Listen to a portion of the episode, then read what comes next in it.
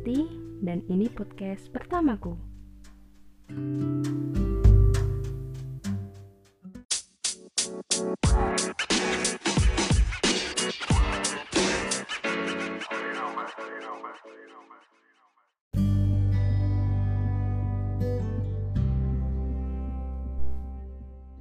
Halo, bagaimana kabarnya? Semoga dalam keadaan baik ya. Gimana puasanya? Lancar kan? Oh iya, sekarang masih di rumah aja kan? Dan bosen ya, tetap di rumah aja. Ya, saat ini kita sedang tidak dianjurkan untuk ke mana-mana kalau tidak penting. Istilahnya stay at home bekerja dari rumah, belajar dari rumah, dan juga beribadah dari rumah. Sederhana ya, kita cuma diminta untuk tetap di rumah. Tapi kamu tahu tidak, walaupun itu sangat sederhana, tapi hal itu besar dampaknya. Bayangkan saja, kalau setiap orang di rumah, tentu penyebaran COVID-19 di Indonesia akan dapat terkendali. Sehingga pemerintah, tenaga medis, dan semua yang tergabung dalam Satgas Penanganan Pandemi Covid ini bisa lebih efektif dalam bekerja.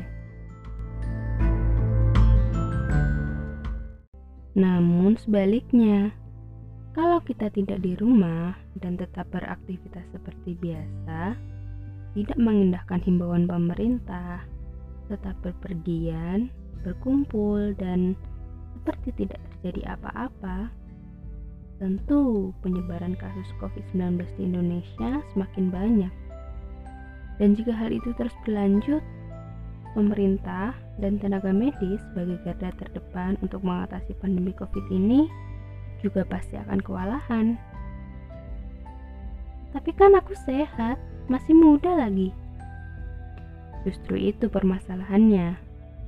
Terkadang kita terlalu yakin bahwa kita baik-baik saja dan merasa tidak mungkin tertular COVID-19. Padahal, ternyata orang yang tanpa gejala pun bisa dinyatakan positif COVID-19. Ini yang berbahaya. Bisa jadi sebetulnya kita terkena penyakit COVID-19 ini. Tapi karena kita tidak merasakan gejala, kita tetap berpergian, bertemu orang lain. Lalu, ketika kita sampai di rumah, kita tidak langsung mencuci tangan, kita tidak langsung mandi dan melepas pakaian yang telah kita gunakan. Padahal di rumah kita ada orang tua kita, kakek nenek kita, ataupun kakak dan adik kita. Yang mana kita tahu daya tahan tubuh mereka tentu tidak sama seperti kita. Bisa jadi mereka punya riwayat penyakit juga yang membuat mereka semakin rentan tertular COVID. Dan yang lebih parahnya lagi, orang yang kita sayangi justru tertular COVID-19 dari diri kita.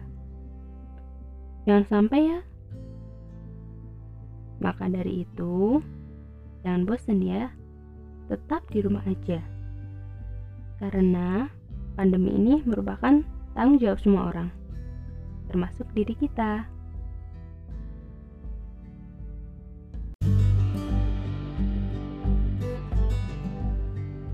Ngomong-ngomong soal COVID-19, kalian tahu gak sih? Ada yang tumbuh dengan sangat mekar di tengah pandemi COVID ini. Di negara kita, Indonesia. Bahkan, itu bisa dilihat di sekitar kita. Sudah tahu?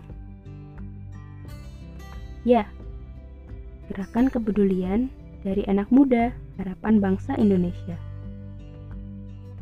Mereka tumbuh sangat mekar di tengah pandemi COVID ini. Apakah ada di sekitarmu? Atau jangan-jangan kamu salah satunya? Barisan para anak muda di negeri ini yang peduli akan bangsanya yang peduli dengan lingkungannya dan turun ikut serta dalam melawan pandemi COVID-19 di Indonesia. Senang ya melihatnya. Mengharukan lebih tepatnya. Di tengah pandemi ini, banyak teman-teman kita, anak muda bangsa ini, yang tergerak hatinya dan melakukan suatu gerakan kepedulian. Sebuah kebaikan yang sangat berarti bagi Indonesia. Mereka peduli bahwa saat ini bangsa kita sedang tidak baik-baik saja. Bangsa kita sedang berjuang melawan pandemi COVID-19. Ya memang, garda terbannya adalah tenaga medis dan pemerintah. Tapi bukan berarti kita berlepas tangan, bukan? Seperti yang dikatakan tadi, bahwa pandemi COVID-19 ini merupakan tanggung jawab kita semua, termasuk kita, anak muda. Walaupun kita sedang diminta untuk di rumah aja, bukan berarti kita tidak bisa berkontribusi untuk bangsa ini. Bukan juga berarti kita menjadi individualis.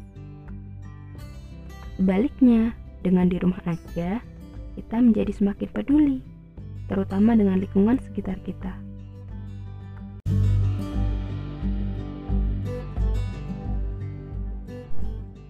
Lihat saja, ada anak-anak muda yang melakukan penggalangan dana untuk kemudian disalurkan, entah dalam bentuk uang, barang seperti APD bagi tenaga kesehatan, masker yang dibagikan kepada masyarakat, atau bahkan dalam bentuk sembako untuk mereka yang masih harus berjuang, rela tidak di rumah, dan terpapar COVID-19 hanya untuk memenuhi kebutuhan keluarganya, untuk sekedar bertahan hidup.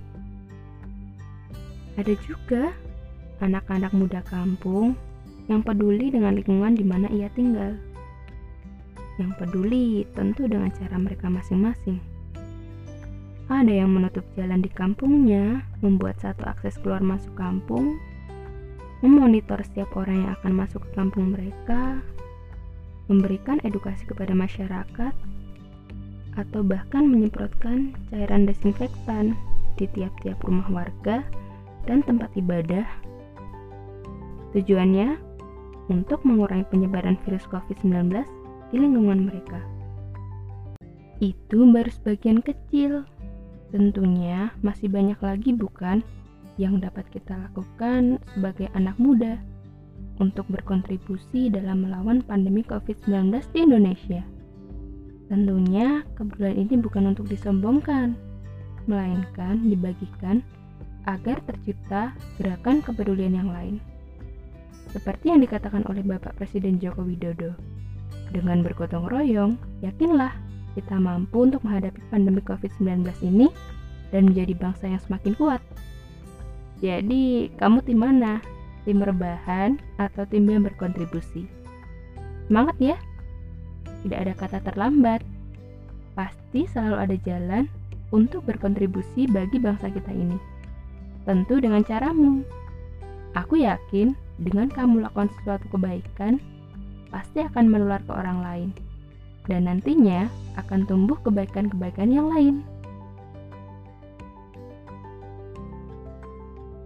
Oh iya, tetap jangan lupa ya, jaga diri kita dan orang-orang di sekitar kita, cuci tangan dengan sabun dan air mengalir, pakai masker apabila harus keluar rumah, tingkatkan daya tahan tubuh, lakukan gerakan masyarakat hidup sehat, dan tetap di rumah aja.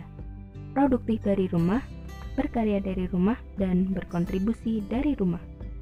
Salam.